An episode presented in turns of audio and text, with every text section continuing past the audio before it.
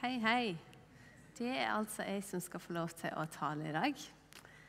Det er spennende. Eh, det fins ei yrkesgruppe som blir kalla influensere. Dere har sikkert hørt om det. Eh, og de deler fra livet sitt på sosiale medier. Skal vi se om den kommer opp? Yes. Eh, og måten de tjener penger på, det er å påvirke oss, meg og deg, til, gjerne til å kjøpe ting. Eh, og så fins det influensere innenfor alle mulige kategorier. Eh, F.eks. mote og skjønnhet. Det er kanskje det liksom klassiske. Men vi har også influensere i trening, i strikking og til og med planter. Eh, og jeg er litt over gjennomsnittet interessert i planter for tida. Eh, og jeg lar meg så visst påvirke av planteinfluenserne. Først og fremst så følger jeg jo for å få tips sant, om hvordan jeg skal stelle plantene mine, hvordan jeg skal vatne dem, potte om, og ikke minst hvordan jeg blir kvitt skadedyr, for det har jeg fått litt av i det siste. Um, også, det er absolutt veldig nyttig. Men så er det jo ikke alltid bare planter på disse kontoene. For innimellom alle plantetipsa så er det reklame. For uh, klær, uh, for smykker osv. Og, så og jeg lar meg påvirke. Jeg var fullt klar over det, men når jeg så ei av planteinfluenserne reklamere for noen kjempegode sandaler, så bestilte jeg dem. Jeg lot meg påvirke. Influensere, i alle fall de som er gode på det, de har en egen evne til å få deg til å føle at du er deres venn. Og du får lyst til å bli som dem, kle deg som dem, trene som dem, se ut som dem, um, osv. Og Slik er det jo også i den virkelige verden. Sant? Vi blir påvirka av de menneska vi har rundt oss, de vi bruker tid med. Og Jeg skal snakke om tilbedelse i dag. Og Mens jeg forberedte meg, så innså jeg at hvem jeg følger, det henger ganske nøye med sammen med hvem jeg tilber. Jeg veit ikke hva du tenker tilbedelse er. Um, kanskje dere snakket litt om det nå. Uh, Ofte så kan vi bruke disse ordene tilbedelse, lovsang og lovprisning litt om hverandre. Men det jeg vil si aller først, det er at tilbedelse det handler ikke først og fremst om musikk. Musikk er en form for tilbedelse. Men du kan tilbe på veldig veldig mange måter. Egentlig så kan du tilbe med livet ditt, med måten du lever på. Jeg skal begynne med å lese et avsnitt fra Jesaja. Og Da skal vi begynne med Jesaja 6, 1-5. I det året da kong Ussia døde, så jeg Herren sitte på en høy og opphøyd trone, og kanten på kappen hans fylte tempelet. Serafe sto overfor ham. Hver av dem hadde seks vinger. Med to dekket i ansiktet, med to dekket i føttene, og med to fløy de. De ropte til hverandre. Hellig, hellig, hellig er Herren Sebaot. Hele jorden er full av Hans herlighet. Røsten som ropte, fikk boltene i dørtersklene til å riste. Og huset Og huset ble fylt av røyk. Da sa jeg, ved meg, der ute med meg, for jeg er en mann med urene lepper, og jeg bor i et folk med urene lepper, og mine øyne har sett kongen, Herren over herskarene. Jesaja får se et glimt av Gud. Han fikk se Gud sitte på trona. Og la dere merke til hva responsen hans var. Han sa, 'Det er ute med meg, for jeg er en mann med ureine lipper'. Jeg har jo lest i Bibelen at Gud er hellig, at han er god, at han er trufast, og at han er allmektig. Men jeg syns det kan være litt vanskelig å gripe disse ordene. Jeg skulle ønske at jeg kunne se Gud på samme måten som Jesaja gjorde. Jeg har vært i USA noen ganger, og der er alt awesome. Eh, det er et ord som man slenger rundt seg når noe er bra eller fantastisk. Og så tenker jeg Gud, han er virkelig awesome. Slik det ordet er brukt i den engelske oversettelsen av Bibelen, så er det brukt for et hebraisk ord som du også kan oversette til 'terrifying', altså skremmende. Og Jeg sjekka ut noen plasser der 'awesome' står i den engelske oversettelsen av Bibelen, med hva som står i den norske. Og norske ord som er brukt der 'awesome' er brukt på engelsk, det er f.eks. skremmende, redsel eller veldig, altså veldig Gud.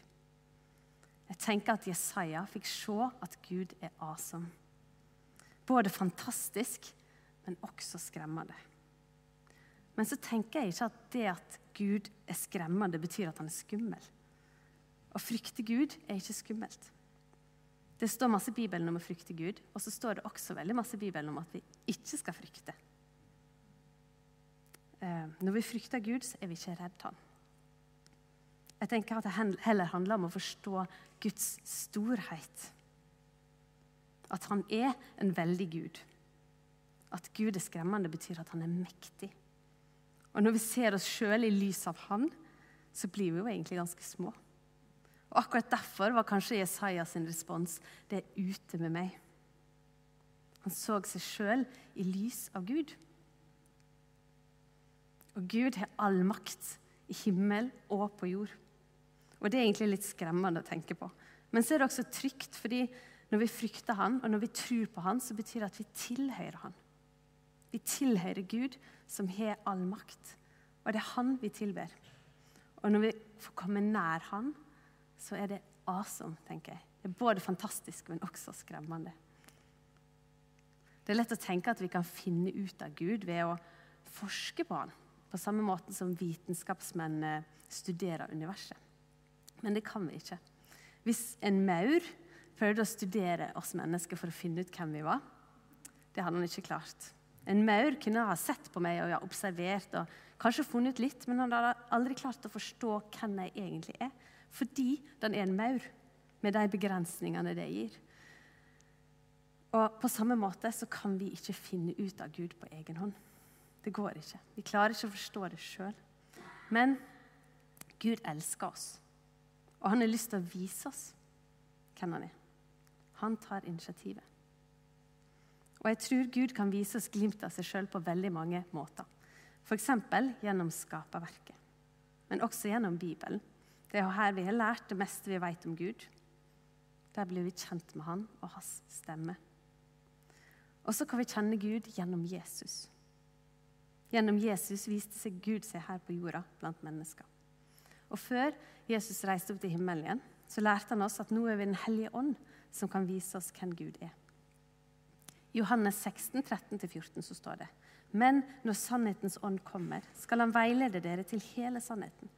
For han skal ikke tale ut fra seg selv, men si det han hører, og gjøre kjent for dere det som skal komme. Han skal herliggjøre meg, for han skal ta av det som er mitt, og forkynne det for dere. Vi kan be Den hellige ånd om å vise oss mer, og la oss få se flere glimt av hvem Gud er. Så vi kan se at Gud er mektig, at han er hellig, at han er awesome. Det er stadig nye ting å oppdage med Gud. Vi blir ikke ferdig med det.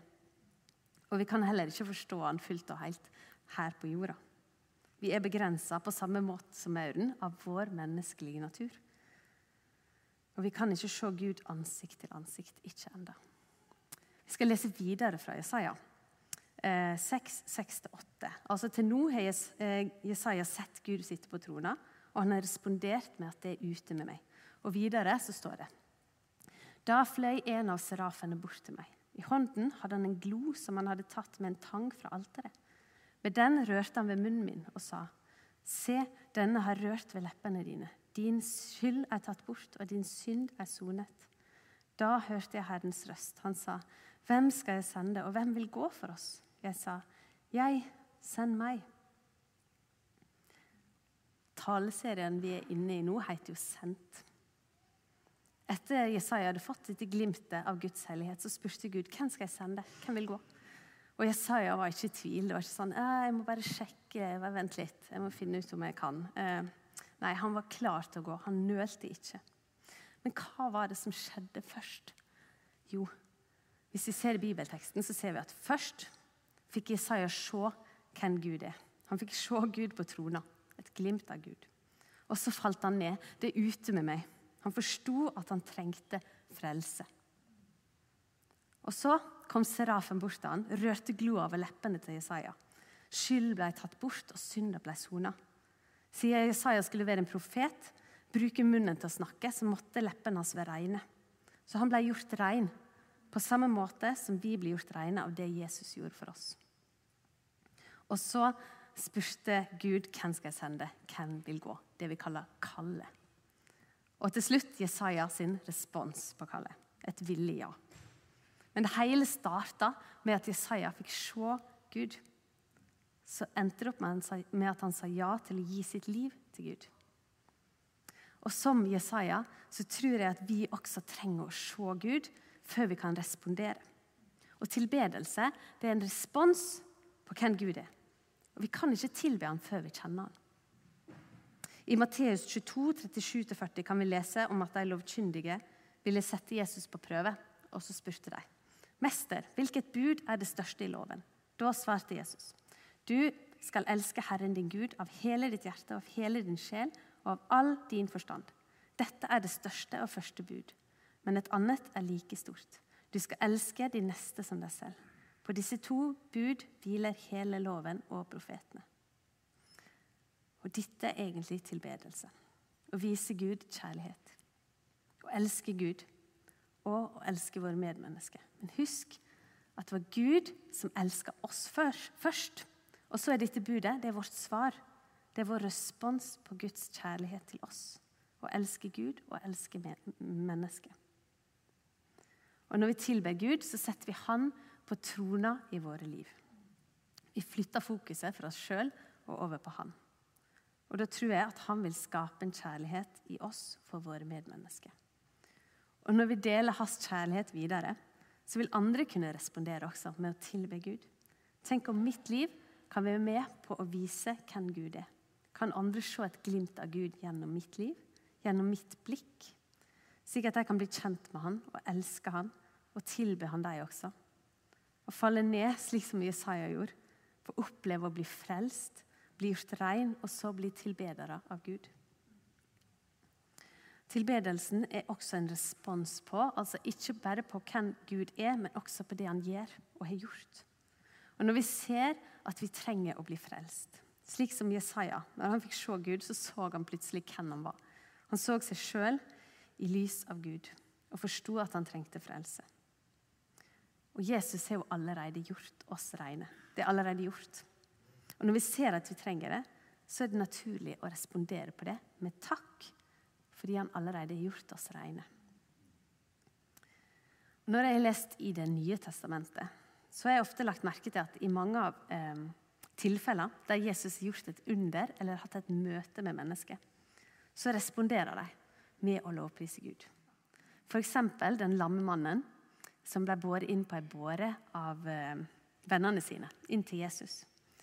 Jesus tilga syndene hans, og han gjorde ham frisk. Og så står det og straks reiste mannen seg foran øynene på dem, tok båren han hadde ligget på, og gikk hjem mens han lovpriste Gud. Alle ble helt ute av seg av undring og priste Gud. Den lamme mannen sin respons på det underet som skjedde, på frelsa og helbredelsen han opplevde, det var å lovprise Gud. Og folket gjorde det samme. Det virka som en helt spontan respons på det de så Gud gjør gjennom Jesus i det øyeblikket. Det koster oss noe å tilbe Gud. Når vi har fått se at Gud er verdig, når vi har sett hvem han er, og hva han har gjort for oss, så må vi faktisk vurdere prisen vi er villige til å betale. Og I Bibelen så er ofte tilbedelse knytta til et offer. Første gang vi ser det nevnt i Bibelen, det er når Abraham gir sønnen sin Isak som et offer til Gud. I 1. Mosebok 22,5 så kan vi lese Da sa Abraham til tjenesteguttene, slå dere til her med eselet. Jeg og gutten vil gå bort dit og tilbe, og så kommer vi tilbake til dere. Abraham han viste Gud hvor mye han var verdt ved å faktisk gi han det aller mest dyrebare han hadde.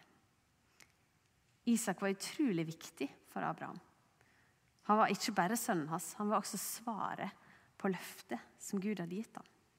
Abraham skulle bli stamfar til mange nasjoner, og Isak var en stor brikke i det. Og Jeg tenker at det må ha vært uforståelig for Abraham at han skulle ofre Isak. Jeg kan ikke fatte at han klarte det, at han var villig. Likevel gjorde Abraham det. Han hadde tillit til Gud, og han var lydig. Og han var klar for å gi sitt offer. Men heldigvis så sendte Gud en vær i siste liten til å ta Isak sin plass. Men da hadde Abraham vist at han faktisk var villig til å ofre sønnen sin for Gud. Heldigvis så ga Jesus sitt liv som et offer for oss. Og Pga. det så trenger ikke vi lenger å ofre dyr i tilbedelsen, slik mennesker gjorde under den gamle pakta. I stedet gir vi våre liv som et offer. I Romerbrevet 12,1 står det Derfor formaner jeg dere, det Guds barmhjertighetssøsken, bær kroppen fram som et levende og hellig offer til glede for Gud. Det skal være deres åndelige gudstjeneste. Og i vår hverdag I vår hverdag, som er fullt med underholdning, er det aldri et stille øyeblikk. Hvis du sitter på et venterom, så tipper jeg at telefonen ikke er så veldig langt unna. Og på en rolig kveld så er det første jeg gjør, iallfall, det å sette på TV-en. Det koster oss noe å prioritere annerledes. Å gi av vår tid og vår oppmerksomhet til Gud, slik at han kan få påvirke oss i stedet for disse planteinfluenserne. Og Vi blir nødt til å stille spørsmålet hva er det som er verdt mitt liv og min tid? Hva er mitt fokus? Hva er det jeg lar forme meg og tale inn i mitt liv? Hva tenker jeg at det er verdt at jeg bruker tid på? Hva er det som tar oppmerksomheten vår? For det er mange som vil ha den. Og så er det sant, Hvis du blir utsatt for kraftig støy over tid, så blir hørselen ødelagt. Og hva om livet våre er så fulle av støy i form av distraksjoner, stemmer, meninger du får inn på alle kanter gjennom alle kanaler? Klarer vi da å høre Den hellige ånd? Eller blir den åndelige hørselen vår svekka? I forberedelsene til denne talen her, så innså jeg at jeg har ikke hørt så godt etter. Jeg vil tilbe Gud. Jeg vil gi mitt liv til Han. Og så innså jeg at det faktisk koster. Og på telefonen min så kan jeg se hvor mye tid jeg har brukt på forskjellige apper i løpet av ei uke. Eh, og på ei uke så hadde jeg brukt hold dere fast, fem og en halv time på Instagram, tre og en halv time på TikTok, to og en halv time på Snapchat og ca. to timer på Facebook. Det er faktisk 13,5 timer til sammen på ei uke. Det syns jeg var ganske masse. Det var rett nok helt i slutten av sommerferien, men likevel. Jeg kjente at det her det må jeg gjøre noe med, så jeg bestemte meg for å gjøre en endring. Og På iPhone så kan man legge inn masse begrensninger på ulike apper, f.eks. mellom visse tidspunkt. Da blir appene bare mørke, og du kan ikke gå inn på dem. Og det her har jeg prøvd en stund. Og det var skikkelig vanskelig. Jeg forsto fort at dette her, det var min måte å slappe av på. Og hvis jeg ikke kunne gå på Instagram eller Snapchat, så var det vanskelig for meg å finne hvile. Jeg erstatta dermed den tida jeg fikk til overs, på andre ting. F.eks. å se en TV-serie, høre en podkast eller lignende. Og Jeg skulle ønske jeg hadde ei solskinnshistorie å fortelle dere om hvordan det her har forandra meg, og at jeg har brukt all den ledige tida mi på å tilbe Gud. Men det her er fortsatt noe som jeg må jobbe med. Og jeg har feila så mange ganger allerede. I et ledig øyeblikk så har jeg bare skrudd av de app-restriksjonene som jeg har satt på, og surfa på nrk.no eller Snapchat Stories eller Instagram. Og av og til så klarer jeg ikke å fokusere og jeg finner fram telefonen. Jeg surfer for å slappe av og koble av. Og Poenget mitt er heller ikke at vi skal slutte med sosiale medier. Altså. Vi trenger også å være til stede der. Og Jeg tror absolutt ikke at det er farlig om jeg surfer litt for masse på nett en dag. Men jeg tror likevel at vi må ta noen vanskelige valg for oss sjøl. Fordi For meg i fall, så er mengda blitt altfor stor. Så stor at jeg sjelden finner rom til Gud. Og Av og til så har jeg syntes at Gud er så stille Åh, jeg skulle ønske jeg kunne høre deg, Gud. Hvorfor har jeg ikke alltid lyst til å tilbe? Hvorfor klarer jeg ikke å koble meg på?